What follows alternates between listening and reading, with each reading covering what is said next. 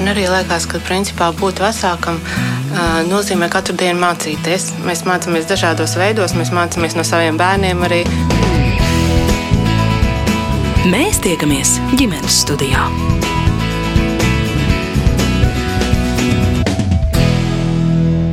Labdien!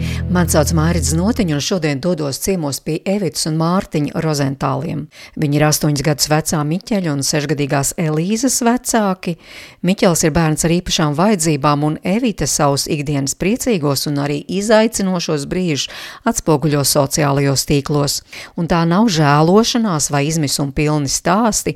Evita rāda un stāsta, kā viņi kopā darbojas un atpūšas, cik tuvas ir viņu bērnu attiecības un cik krāsaina var būt dzīve arī respektējot un rūpējoties par Miķeļa īpašajām vajadzībām.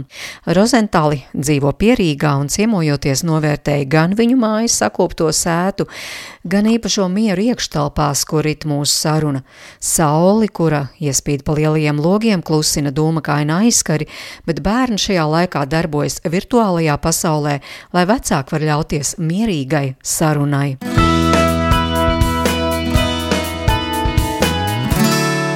Tāds interesants ceļš pie jums bija. Vesels piedzīvojums, tepat Rīgas tuvums. Jā. Bet reizē arī pie dabas. Es pati esmu uzaugusi tepat netālu Ulbrakā.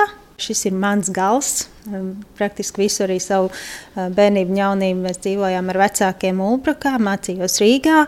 Un tad, kad mēs meklējām māju, tad es nu, ļoti centos virzīties uz šo pusi, jo man vecāki dzīvo netālu, un tomēr viss ir pazīstams. Vienmēr mežs blakus, un tā ļoti tuvu centram, bet arī tajā pašā laikā ir tā mazliet tā nomalas sajūta, jo mēs eh, kādu brīdi padzīvojām Rīgā, mežciemā, bet nu, tas nav tas, kā gribās tomēr, ka var iziet ārā, un kad ir svaigs gaiss, un ka nav tikai asfalts un mašīnas, un tāpēc šī vieta vienkārši, ka mēs atbraucām, man likās, jā, mums ir liela pļava un pūrs blakus un mežs, un nu, viss trīs tā kā tādai miera ostei. Mārtiņ, šī ir arī jūsu vieta vieta, kas jums patīk. Jo droši vien bija jāvienojas, uz kuru pusi doties, kad meklējāt māju. Nē, nu, kur sieviete izvēlējās, tur devāmies. Jā. Mm -hmm. Forši, forši man te patīk. Cik ilgi? Mēs blakus dzīvojam. Trīs gadus, laikam. Būs trīs gadi uh, novembrī kopš mēs šeit dzīvojam.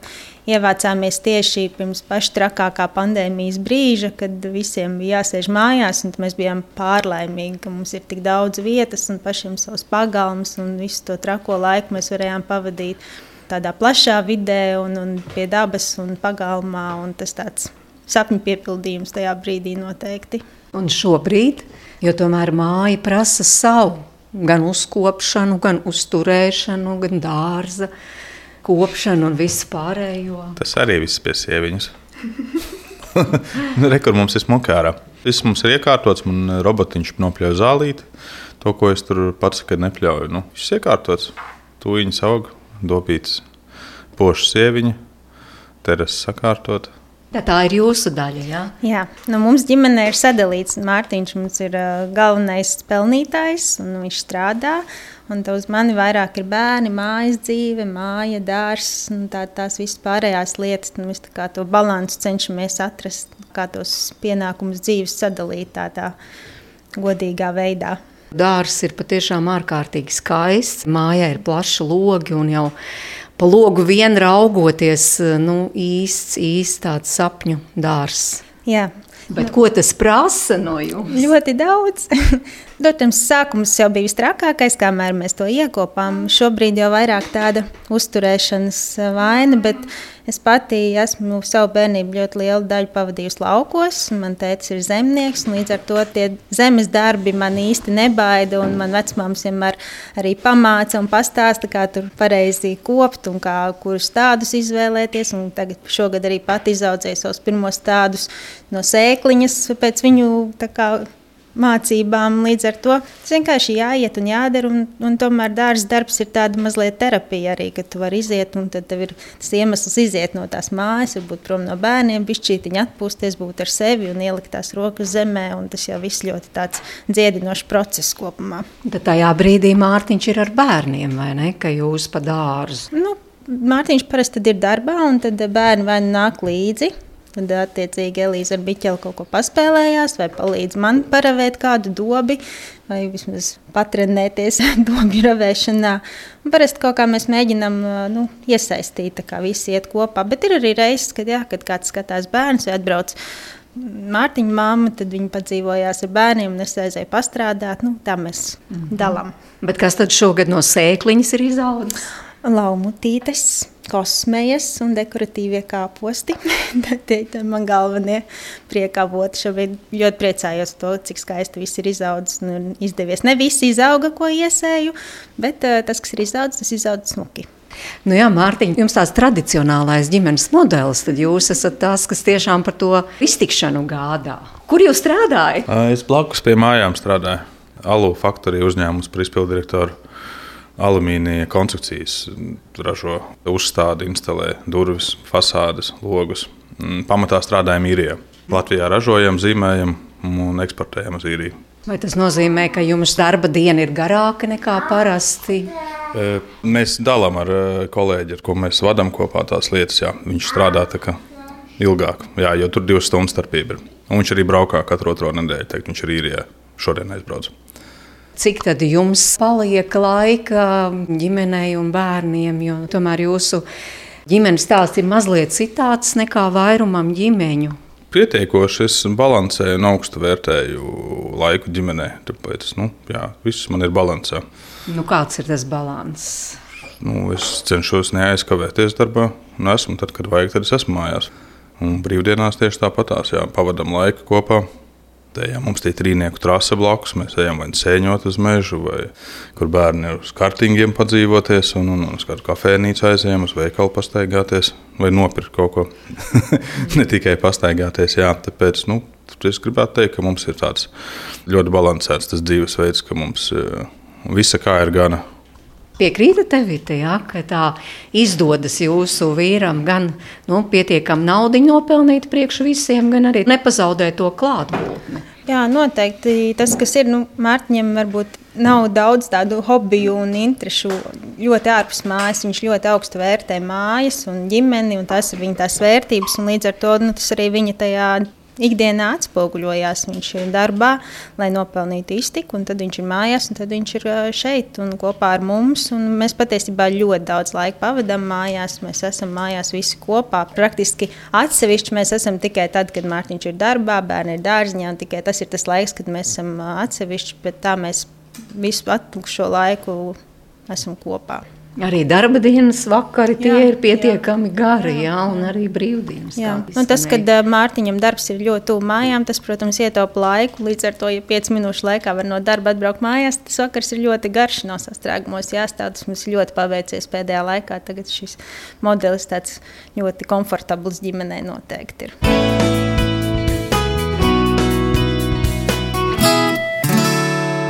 Uzrunāju arī Elīzu un Miķeli, kuri tepat līdzās darbojas katrs savā planšetē. Sveiks, Miķeli! Sēt. Viņš ļoti labi nerunā, bet uh, viņš daudz lietas saka. Un tad ir uh, jāmēģina no konteksta saprast, ko viņš saka, un tad arī var saprast viņa to runu. Arī ar Elīzu gribu iepazīties. Elīza, cik tev šobrīd gadu? Man seši gadi. Seši gadiņi.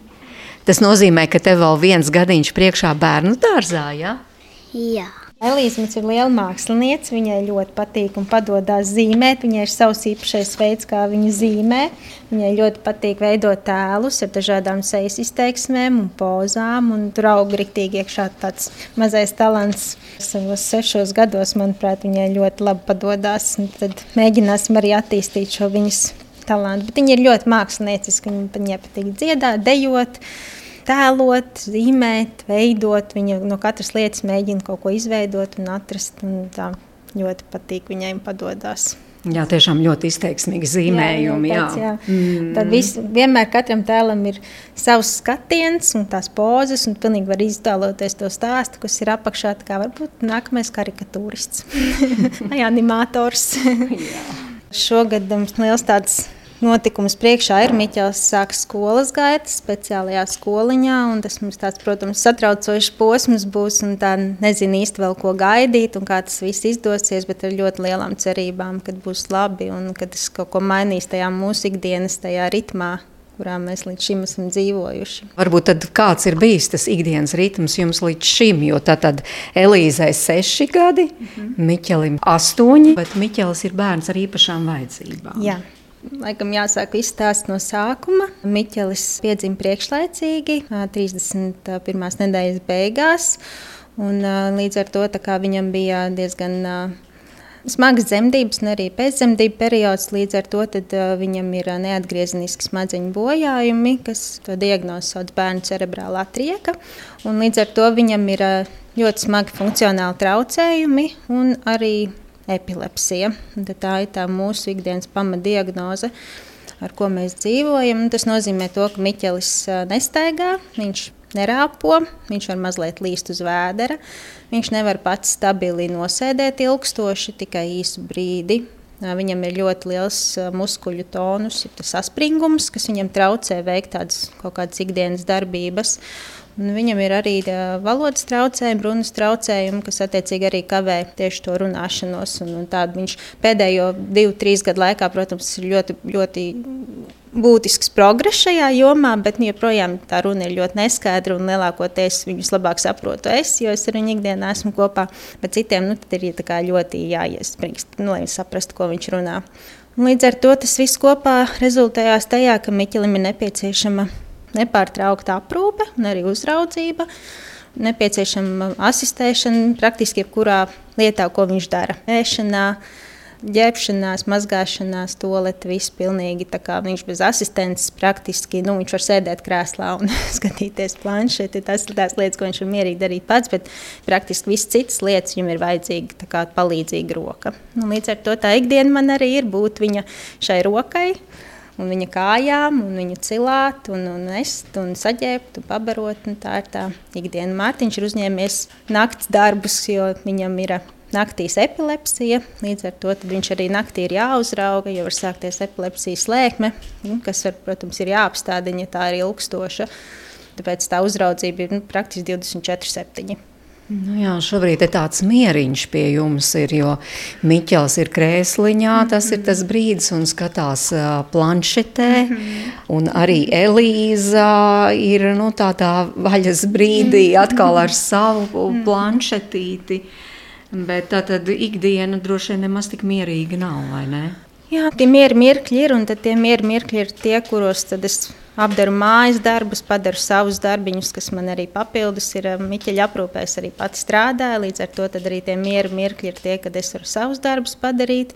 Tad, piemēram, būs atkal vakariņu laiks, un būs atkal jābaro, un pēc vakariņām atkal jāsaģērbj, un tad ir gulētiešanas laiks, un viss vannas un zobi. Un, nu, tā, kā, tā diena ir sadalīta tādos posmos - rīta cēliens, pusdienas cēliens, vakar, un tad, ja mums vēl ir jābraukā uz nodarbībām vai pie ārstiem, tad tas viss vēl pa vidu ir. Nu, Tas nozīmē, tiešām tātad Miķelim tiek veltīts ļoti daudz jūsu laika, Jā. vīra laika. Jā. Nu, gan laiks, gan spēks. Jo tiešām, kā jūs teicāt, Miķelim šobrīd ir 8 Jā. gadi. Viņam ir 25 kg. Jā. Jā. Viņam ir 25 kg, un man pašai ir bišķiņa zem 60. Līdz ar to tā nesēšana, protams, priekš manis jau es gan esmu, protams, uztrenējusies un varu. Bet, nu, viņš ir smags un viņš kļūst ar vien smagāks. Un, tāpat nu, viņš ir uz otro stāvu jāuznes, un, un krēslā ir jāiesēdina, no krēsla ir jāizņem un jāpatur viņš, tad, kad rokas jāmazgā muti. Nu, tas ir arī fizisks spēks noteikti. Jā. Mārtiņa te jau teica, Evita, ka tā tad naktis, tad tās ir jūsējās. Jūs esat kopā ar dēlu. Jā. Bet nu, jums taču arī ir vajadzīgs spēks, jāizguļās. Jā, nu, laikam jau neatceros vairāk, kā tas ir. jo nu, kaut kāda astoņa gadi jau praktiski arī sanāk. Ne dienā, dienā, bet naktī, naktī gulēju blakus. Ir naktis, jā, kad uh, sanāk vairāk, kad mazāk izgulēties. Bet nu, ir jāmāk uh, sekot līdzi, kā elpo bērns. Tad, ja viņš ir slims, tad es to dzirdu pēc elpas, grozu viņu, kad vajag. Jo naktī plasticitāte viņam neļauj pašam pagriezties, tāpēc viņš tā tur, jau es varu pēc, izsekot līdzi, ja nu gluži pat neiečingstās, ja viņš mēģina pagriezties, tad viņu pagrozu uz vieniem otriem sāniem, nu, lai neizguļās tā kā, ja, tā kā viens kaut kāds vietiņš. Ja ir lēkmīts, jā, tad man ir jāspēj tas izdzirdēt, laicīgi piefiksēt, lai varētu iedot zālītes. Ja, kas tad viņu atslābina, nu, tad viņš var čučēt tālāk. Jāsaka, ka eh, tagad jau pieaugot viņam lēkmīts. Nu, ir viņš jau bijis viņas pāraugs, tāpēc mums ir cerība, ka viņam tā pāries tās lietas. Mm. Un tad, ja viņam pāries lēkmīs, tad viņš gulēs jau atsevišķi kādreiz. Kaut kad, jā. Jūs, kā jūs stāstāt, ieguldāt daudz uh, enerģijas, Miķels tika vēsts pie dažādiem speciālistiem. Lēnāk, bet nu, viņš jau tāpat progresē, vai ne? Ir, ir attīstīts. Jā, nu viņu noteikti nevar salīdzināt ar, neku, ar jebkuru no tipiskajiem bērniem. Viss, kas viņam ir, visa tā attīstība ir pilnīgi viņa noteiktajā tempā, un tās viņa attīstības lēcieni ir ļoti redzami, tādi, bet viņi ir ļoti, ļoti tādi smalki, tādi, ka tu, mēs to ievērojam.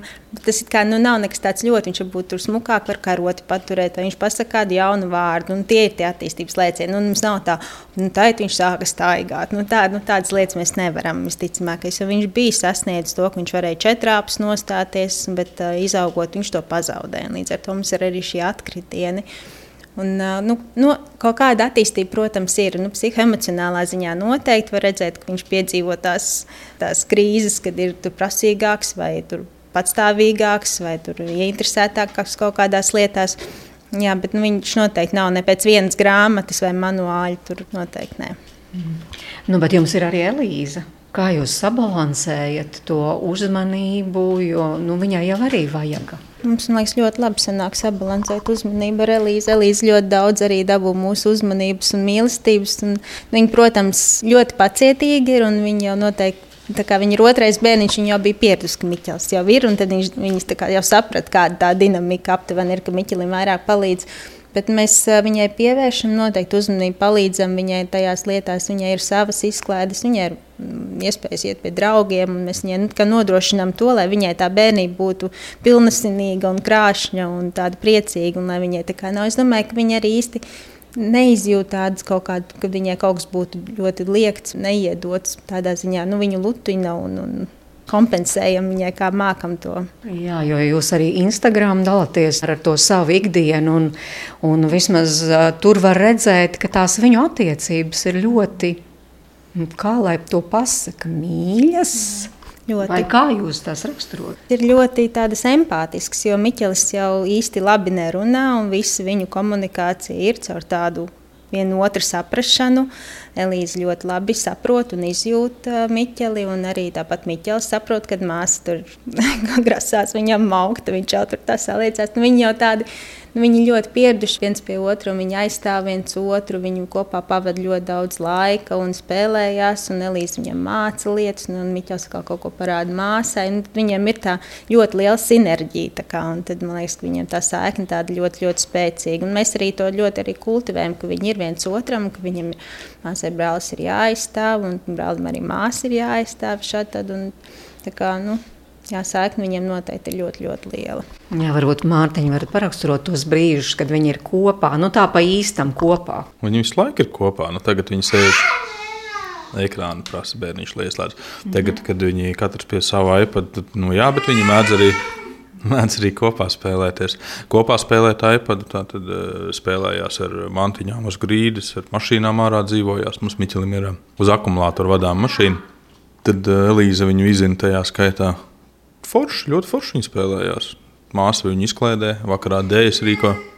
Viņu kopā būšana noteikti raksturo to, ka ir ļoti daudz smiekli, kliedzieni. Elīza viņam vienmēr dejo, kaut ko viņu mēģina iepriecināt. Viņa saka, māmiņa, skaties, es iepriecinu Miķeli. Miķels skaļi smējās tā, ka līdz žagām vienkārši viņiem dažreiz tur ir nu, augšā, ka viņi pirms gulēšanas tur gultā pidžamās abi lēkā un daudzās vienkārši liekas ārpēc, kas tur notiek, bet viņiem ir tik ļoti jautri, dažbrīd kopā vienkārši liekas, kā vispār var būt kā, bērniem tik jautri, kā viņiem ir spiedzieni un kliedzieni un smiekli. Un, viņiem noteikti ir tā bērnības humoriņš.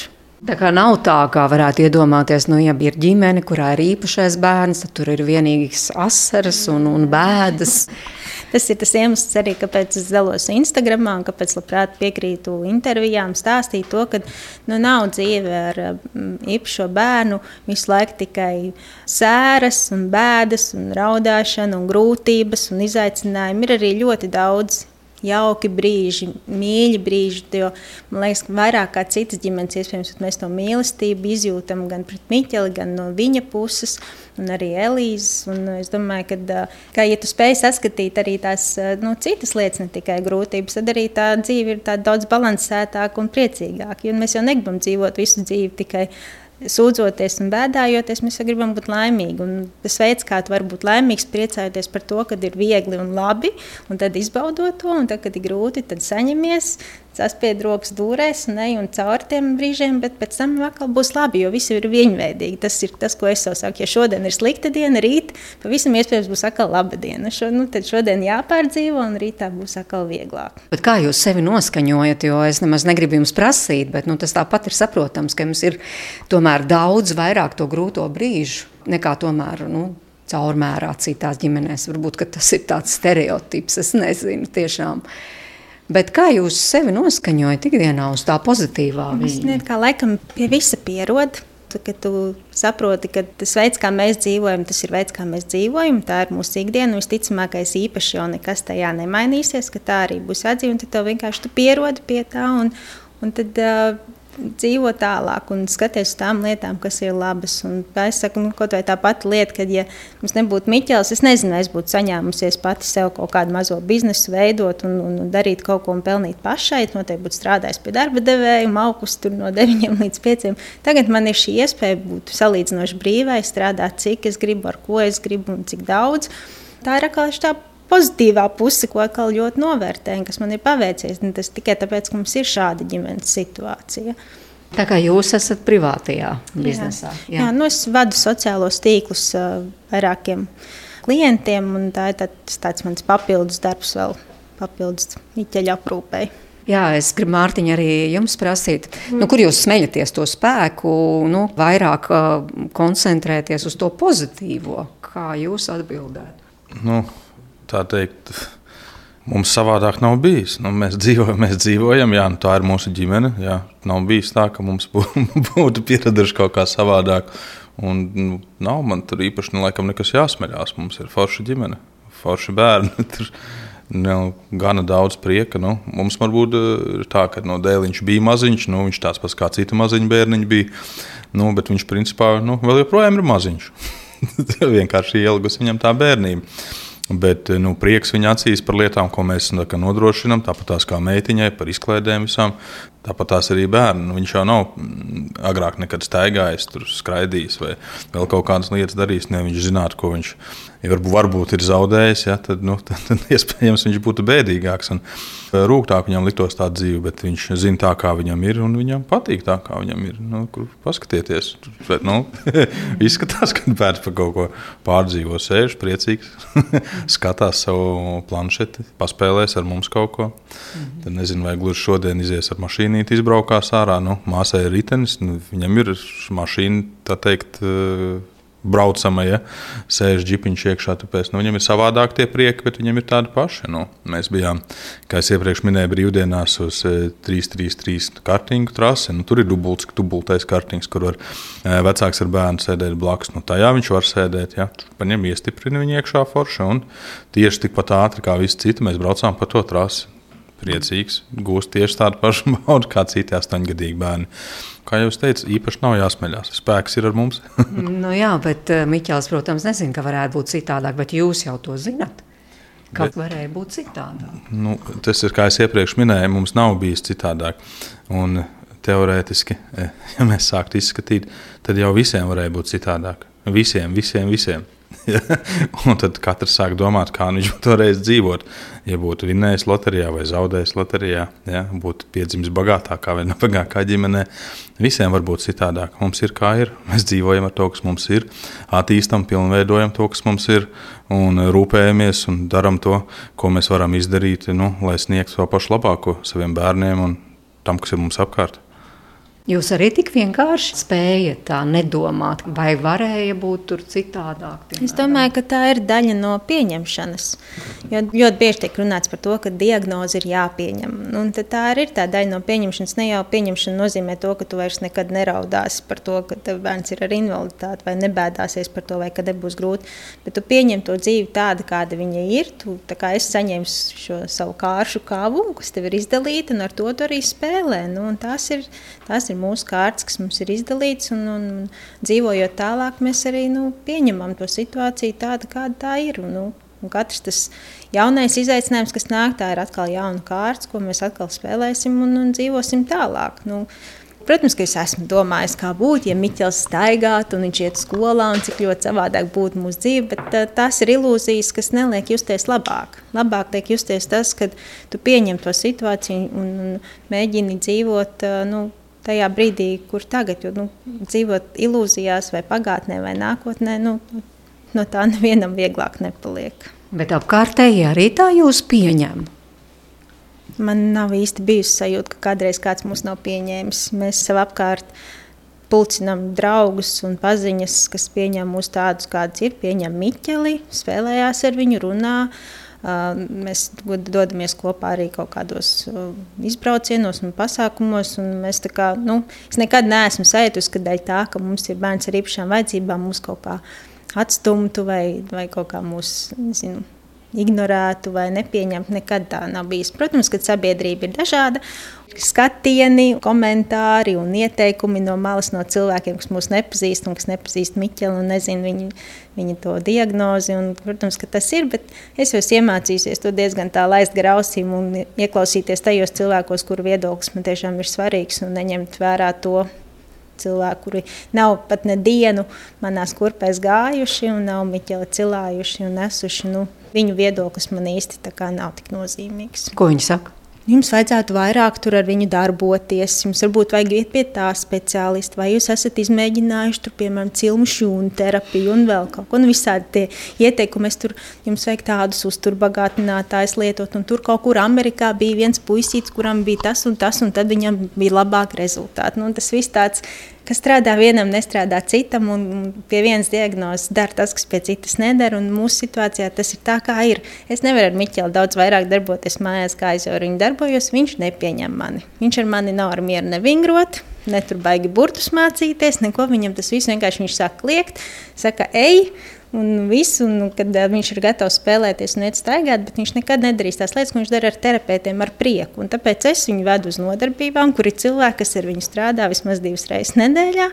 Un viņš tur arī apgūst tās prasmes, un mājās mēs mācāmies dzīvi. Mēs krāmējam iepirkuma maisiņus, viņš sauc lietas, no kuras es ņemu ārā no maisiņa. Mēs izskaitām, cik mums tie gurķi un tomāti ir. Un, un ābolu. Un tas ir tas, kā mēs ar viņu ņemamies, mācām viņu un tam līdzīgi. Nu, nav viss kā, tik viennozīmīgs un tik pēc grāmatas kaut kā. Raidījuma laikā skan arī dziesmas. Cik bieži vispār uh, mūzika skan jūsu? Mūzika ģimene? mums ir galvenais, tad, kad mašīnā braucam, tad uh, mums bērni ir galvenie dīdžeji, kas mums uzliek tās dziesmas, ko viņi grib klausīties, un tad mums ir ļoti plašs repertuārs. Abiem bērniem ļoti patīk mūzika, abi labprāt dzied, pat Miķels dzied ļoti labprāt. Jo mēs klausāmies mūziku, un mūziku es klausos, tad, kad daru kaut kādas mājas lietas, un Mārtiņš, kad dara savas lietas, un, un mūzika noteikti tāda neatņemama dzīves sastāvdaļa, jo es pati esmu no muzikālas ģimenes. Manā māte ir bijusi diriģente, un mēs visi esam koristi ģimenē, gan mamma, tētis, brālis, es. Un, un līdz ar to tā, tāda dziesma un, un, un melodija vienmēr bijusi daļa no mūsu esības ģimenes. Nu, varbūt šajā brīdī jūs ieteiktu kādu dziesmu no repertuāra, ko bērni izvēlas. Nu, bērni, protams, ir klasika. Mums ir bērnu divstūris, protams, ir topā tāpat kā liekas, ļoti daudziem citiem bērniem. Miķels ir liels Imagine Dragons fans. Elīze ir tāda ļoti nepazīstama mākslinieka. Viņa tur savos uh, tiktokos skatās, un ko viņa tikai viņa viena zina kuru viņi tikai pēc tam sadzied tās dziesmas. Tā kā tās laikam tādas, kas viņiem patīk labāk. Tā varbūt kaut ko no tā Bermudu divstūra. Jā, jā viņi noteikti priecātos. Jā. Mēs tiekamies ģimenes studijā. Atgādinu, ka ģimenes studija šodien ciemojas pie Rozentālu ģimenes. Evita un Mārtiņš stāsta, kāda ir ikdiena ģimenē, kurā aug bērns ar īpašām vajadzībām, un kā jau izskanēja, tāpat kā citās ģimenēs, rūpes un bēdas mīs ar priecīgiem brīžiem un būtiski saglabāt līdzsvaru šai ziņā. Bet nākamais gads būs pavisam citāds, jo Miķels sāks iet skolā. Kā Rozentāli gatavojas par to sarunāt turpmāk? Mēs jau vienam šādam periodam izgājām cauri, tad, kad Miķelim bija jāsāk iet bērnu dārzā. Tas, diemžēl, bija tieši pirms pandēmijas, un līdz ar to mums tā iešana bērnu dārzā sanāca tāda ļoti saraustīta. Viņš sāka iet, un it kā gāja labi, un šķita, ka būs viss forši, un tad sākās mājasēdes, un tad mums atkal ļoti daudz sēdējām mājās, un tad atkal bišķiņ pagājām dārziņā, un tad mums nebija asistents, un tāpēc mēs nevarējām iet dārziņā.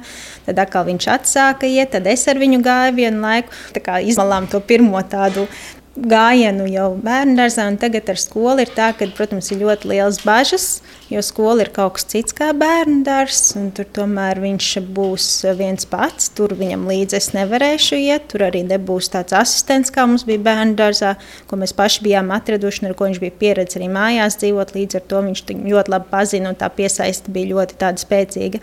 Nu, tur es no rīta viņu aizvedīšu, atdošu ceru, kompetentajiem pedagogiem un aprūpētājiem, un ar ļoti drabošu sirdi kāpšu mašīnā braukšu mājās. Mēģināšu darīt savas lietas un uzticēties, ka tur viss būs kārtībā. Bet es zinu, ka gan Miķelim tas būs ļoti liels pārbaudījums, gan arī noteikti mums, īpaši man. Jo nu, es neesmu vēl līdz šim astoņu gadu laikā viņu tā spējusi nu, palaist dzīvē. Nu, tagad uz piecām stundām tu tur esi viens, un es uzticos, ko tu tur darīsi, un tad es tagad būšu kā, prom no tevis. Tas būs ļoti, ļoti izaicinoši. Un, um, Noteikti pārdzīvojumiem pilns laiks.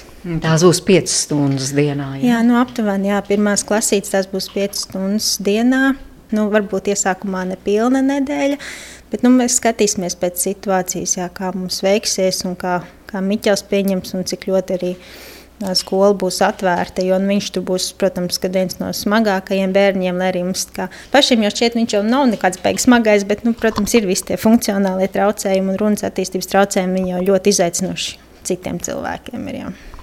Jūs ar tādu mierīgāku sirdi gaidāt to 1. septembri? Kā Evita pirms tam minēja, nu, tas, tas jau būs redzams diezgan ātri, cik labi tas strādā, cik nē. Jo, nu, tāpat kā uz vingrošanu, ja viņam ir teikt, labi pasniedzēji, labi pedagogi, nu, tieši tāpat tās būs arī skolā. Tas nozīmē, nu, ja būs uh, kompetenti speciālisti, atvērti pret bērnu, veltīs pietiekoši daudz uzmanības, tad uh, noteikti viss būs labi.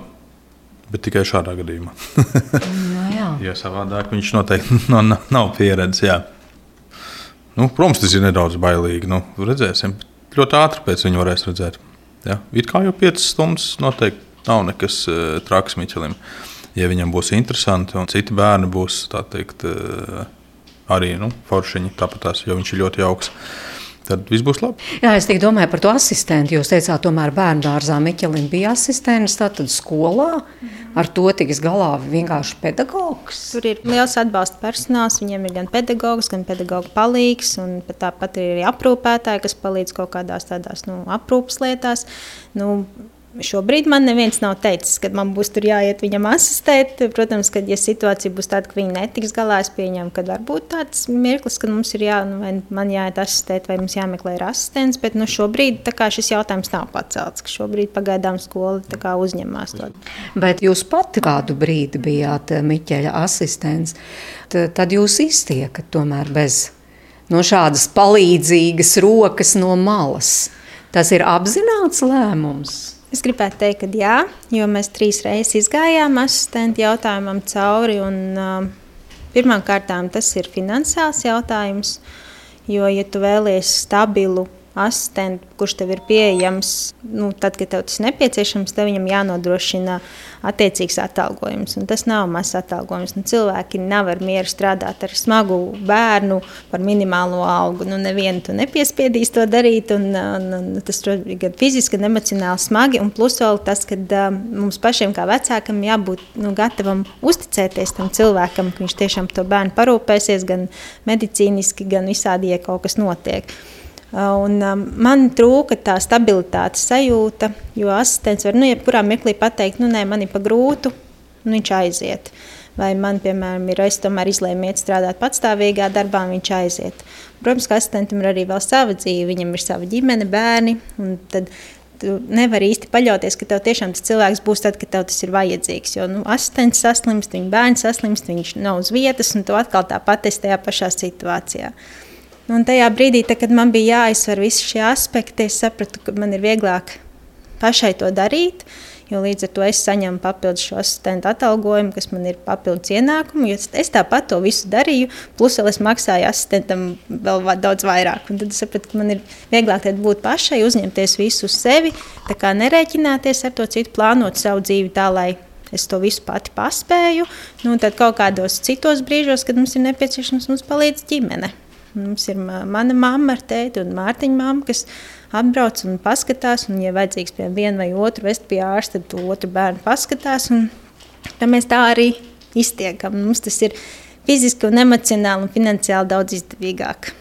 Vecvecāki arī, piemēram, tiek galā ar miķeļa aprūpi. Tiek galā. Evita teica, ir zemnieks. Viņš ir pieredzējis pie fizikas smagām lietām, tāpēc viņam miķeļa cilāta ir nu, normāli. Vecmāmām ir nedaudz grūtāk, protams, izcelt, bet uh, tiek galā. Ļoti jautri ir. Miķels lielāko prieku brauc ciemos pie vecām. Spēlē klavierus, šūpojās, ko viņi tur nedara. Nu, vairāk kā ar mani. Nu jā, jo tomēr vecāki, kuriem ir īpašais bērniņš, viņi tomēr saka, nu, ka ir vajadzīgi tie brīži, atelpas brīži. Ir pat tāds pakalpojums, atelpas brīdis, ka pat bērniņu var uz kādu brīdi uzticēt uh, citiem cilvēkiem un pašiem atpūsties. Esat kādreiz izmantojuši to? Nē. Man uh, šis pakalpojums nešķiet īsti piemērots mūsu vajadzībām. Tas pakalpojums šobrīd ir tāds diferencēts. Un viens no tiem variantiem ir, ka tu vienkārši atdod bērnu apmēram sociālās aprūpes centrā uz divām nedēļām. Un tad tu atpūties. Bet es nevaru iedomāties, kad es pat, nu, piemēram, savu bērnu, arī vienalga, arī tipisko bērnu, mēs taču braucot atvaļinājumā, neliekam viņu bērnu namā. Kāpēc man būtu savs īpašais bērns jāliek sociālās aprūpes centrā, kur viņš ir viens ar svešiem cilvēkiem, svešā vietā? Uh, Nu, tā vide noteikti arī nav tur noteikti. Es nevaru, neesmu nekad bijusi, protams, nevaru spriest, bet man, manās iedomās tā vide nav noteikta kā mājās, vai ne? Un es nevaru iedomāties viņu tur atstāt. Un tas pats arī ielaist mājās kādu cilvēku no organizācijas, kurš nodrošina šo pakalpojumu mājās, ielaist svešu cilvēku savās mājās, tūlīdēliņ, ielaist svešu cilvēku savās mājās, un tad viņš divas nedēļas dzīvos un rūpēsies. Man bērni to es arī neredzu, jo es varu ielaist savu draugu, ģimenes locekli, radinieku, jā, to es varu. Bet uh, sveši cilvēki arī. Un līdz ar to šis pakalpojums mums nav nu, piemērots. Un to ir ļoti grūti ierēģiem bieži vien saprast. Jums taču redz, ir iespēja, bet jūs savu bērnu atdotu bērnu namā uz divām nedēļām, lai aizbrauktu atvaļinājumā, un tur tagad priecīgi atpūstos, kamēr bērns ir kaut kādā iestādē. Nu, es tā nevarētu, un nekad, nekad tā arī nedarīsim.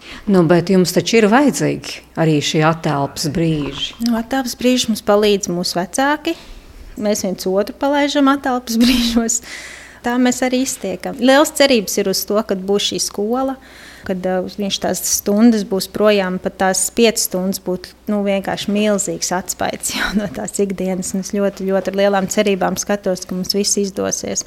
Bet nu, ja līdz šim esam spējuši kaut kā sadalīt to laiku, lai būtu, tad jau arī, gan jau arī turpmāk varēsim. Nu, varbūt vēl pastāstiet par tiem jūsu attēlpas brīžiem. Jūs arī nesen rakstījāt, nu, kā vasara būs pagājusi un gluži kā, kā zemeņu sorberts būs tik ātri apēdusies, ka nebūs varbūt daudz kas pat piefiksēts un pamanīts.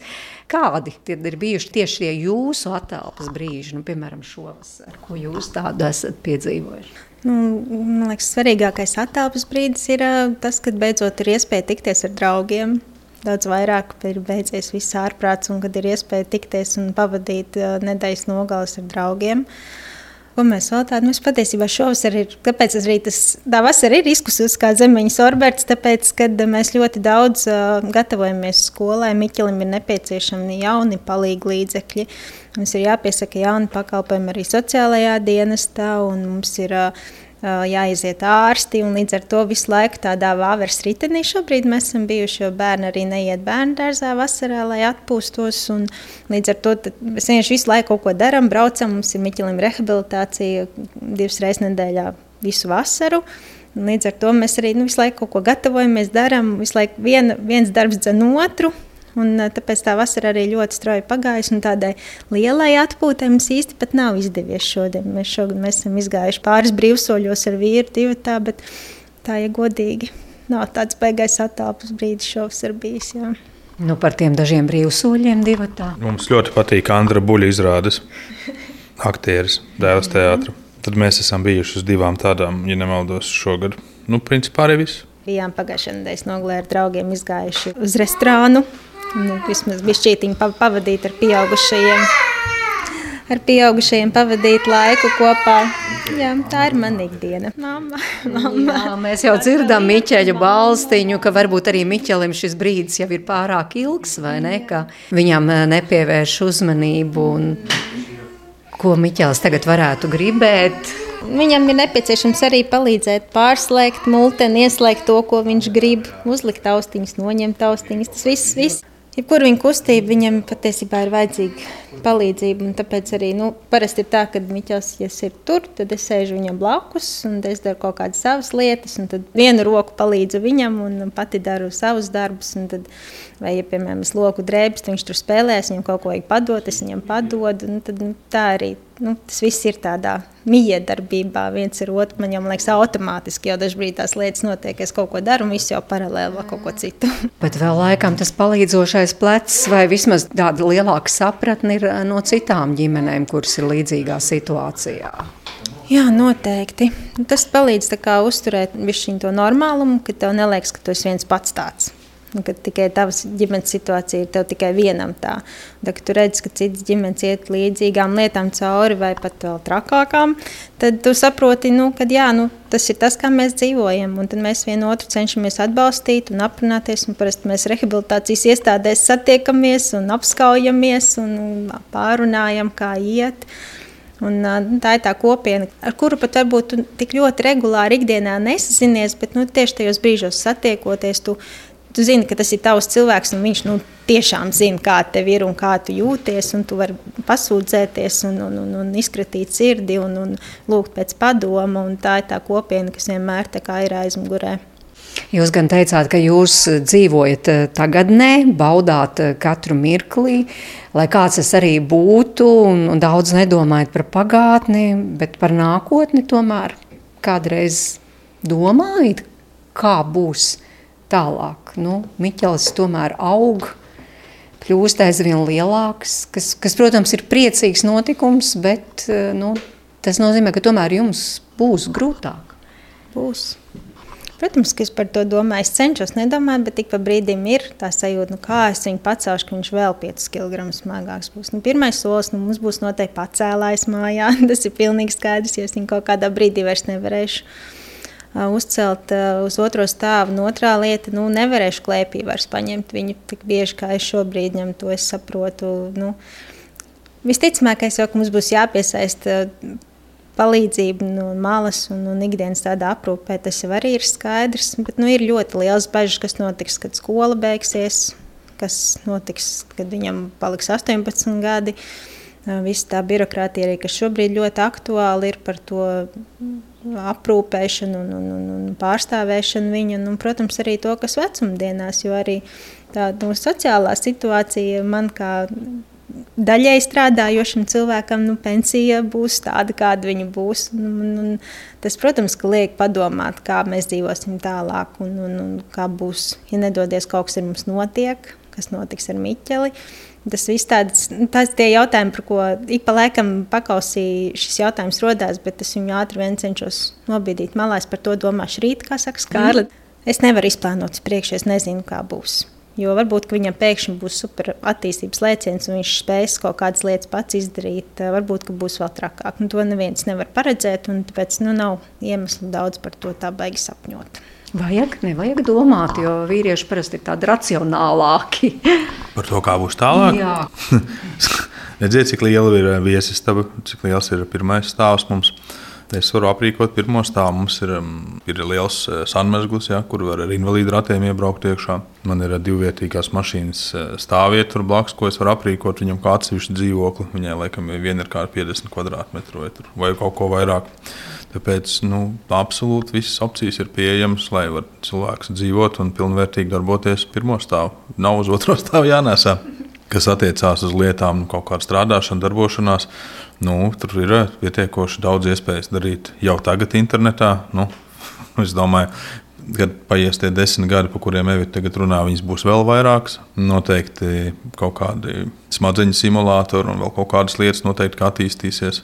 Varbūt tās kaut kādas uh, nanotehnolo nanotehnoloģijas būs.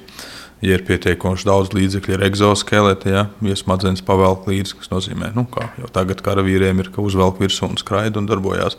Tāpēc iespējas ir bezgalīgas. Jādzīvo līdzi, jāskatās uz priekšu. Un, nu, noteikti nav jānokar deguns. Jā, es domāju, ka jau mūsdienās jau tomēr bērni ar īpašām vajadzībām dzīvo daudz, daudz savādāk, kā tas bija pirms 20, 30 gadiem. Jo tagad tās iespējas viņiem ir daudz lielākas, un arī ģimenēm ir lielākas. Un, Pēc nu, cerēsim, ka skatīsimies pozitīvi skatu nākotnē, un pie vīra teiktais piepildīsies, un, un viss būs uh, kārtībā. Noteikti būs, bet nu, tomēr noslēdzot šo sarunu, es tomēr gribu lūgt, lai jūs padalāties, kā jūs esat spējuši saglabāt šādas savstarpējās attiecības. Jo, nu, ir diemžēl arī ģimenes, kuras šādos pārbaudījumos salūst, vienkārši izjūg. Teiksim, mama paliek ar, ar bērniņu vai bērniem. Kā jums ir izdevies? Kas ir tas pamats? Jā, laikam nav dzirdēts, ka tēva paliktu vai ne? Lielākoties nāk dzirdēt, ka mammas nu, paliek. Jā, varbūt ir tādi gadījumi, bet nezinu, kāpēc par tiem skaļi nerunā. Jā, nu es nu, pieņemu, ja vīrietis tā izdara, viņš noteikti ir ļoti mm. mazdošīgs vīrietis. Nu, kaut, kaut kā tā, nu, tā kā jebkurš cits vīrietis, kurš pamet savu ģimeni, bērns, nu, nav svarīgi, vai viņiem ir īpaša vajadzība, vai bērni ir veseli. Nu, ģimene ir svarīga vērtība. Noteikti svarīgāk kā citas lietas. Nu, bet šis tomēr pārbaudījums, tas ir jūs satuvinājis, padarījis ciešākas jūsu attiecības. Nu, es nedomāju, ka mums baigi nav viņas mainījušās. Mums tādas foršas viņas bija, tādas viņas ir. Bērns ir mūsējais, tas taču nav kāds iedevums, re, kur jums svešs, tipa darbojieties, gribiet, negribiet. Nu, nē, nu, tas ir mūsu bērniņš, nu, protams, kad mēs viņu mīlam un, un, un, un darbojamies kopā. Tādas opcijas nav izskatītas, lai kaut kur padotos, meklētu vieglākus ceļus. Tas ir mūsu ceļš. Mēs ar Mārtiņu tagad esam kopā desmit gadus, esam izgājuši cauri nu, ugunī un, un ūdenim, un mēs arī esam piedzīvojuši bērniņu zaudēšanu. Un, tad, kad Miķeli gaidījām, mēs gaidījām arī divu brālīti, kur mēs zaudējām, un Miķeļa invaliditāti un straujais Elīzes ienākšanas stāsts mūsu ģimenē negaidītais. Man liekas, ka mums ir tā, nu, gan man, gan arī Mārtiņam tā sajūta, ka, nu, ja mēs esam izvēlējušies būt kopā, mums ir jārēķinās, ka būs izaicinājumi un būs grūti konflikti, un būs strīdi, un būs nesaprašanās, un nogurums, un besis un dusmas. Vai tas ir kā, nu, viss, nu, tā ir daļa no dzīves, un viss pāri tam iziet cauri šādā vai tādā veidā. Nu, šis ir mūsu izaicinājums, un mums ir jābūt kopā un komandai. Un jādara kopā tās lietas, un katram ir savi pienākumi, un, un, un tad kopīgi arī ejam uz kaut kādu tādu mērķi lai visiem būtu viss labi. Paldies Evitai un Mārtiņam Rozentāliem par sarunu. Ģimenes studijas komanda Sarmīta Kolāte, Nora Mitspap un Esmērģis Notiņa no sirds vēlam daudz gaišo un priecīgo brīžu Rozentālu ģimenes ikdienā, un vēl tikai Mārtiņam jāizvēlas raidījuma noslēguma dziesma. Mums Franka Sinatras dziesmas patīk. Nu, praktiski jebkuras, kas viņam ir, jā, tur Moonlight serenāde vai Maijavē, jā, prāta vētrai foršas dziesmiņas ir, tāpēc, nu, Mums ir daudz dziesmas, kas patīk. Mēs neciklējamies tā. Labi, nu, bet tad tomēr Franks Sinatra vai prāta vētra? Nu, atkarībā no gara stāvokļa. Ja es gribu forši pasēdēt, e, e, šajā brīdī es laikam Franks Sinatra. Viņš ir tāds vairāk tāds lai pasēdētu, re, kur man ir kamīns, var iekurināt. Forši tāda fona mūzika, tādai noskaņai. Mm, prāta vētra manā izpratnē tas būtu vairāk tāds, kad jau, nu, ja, ja grib kādus draugus salasīt kopā, ir kaut kāda ārā vasaras pasēdēšana, tad, tad, jā, tad prāta vētra tā kā vairāk liekas iederīga. Nu, vai tur ašākai braukšanai pa ceļu.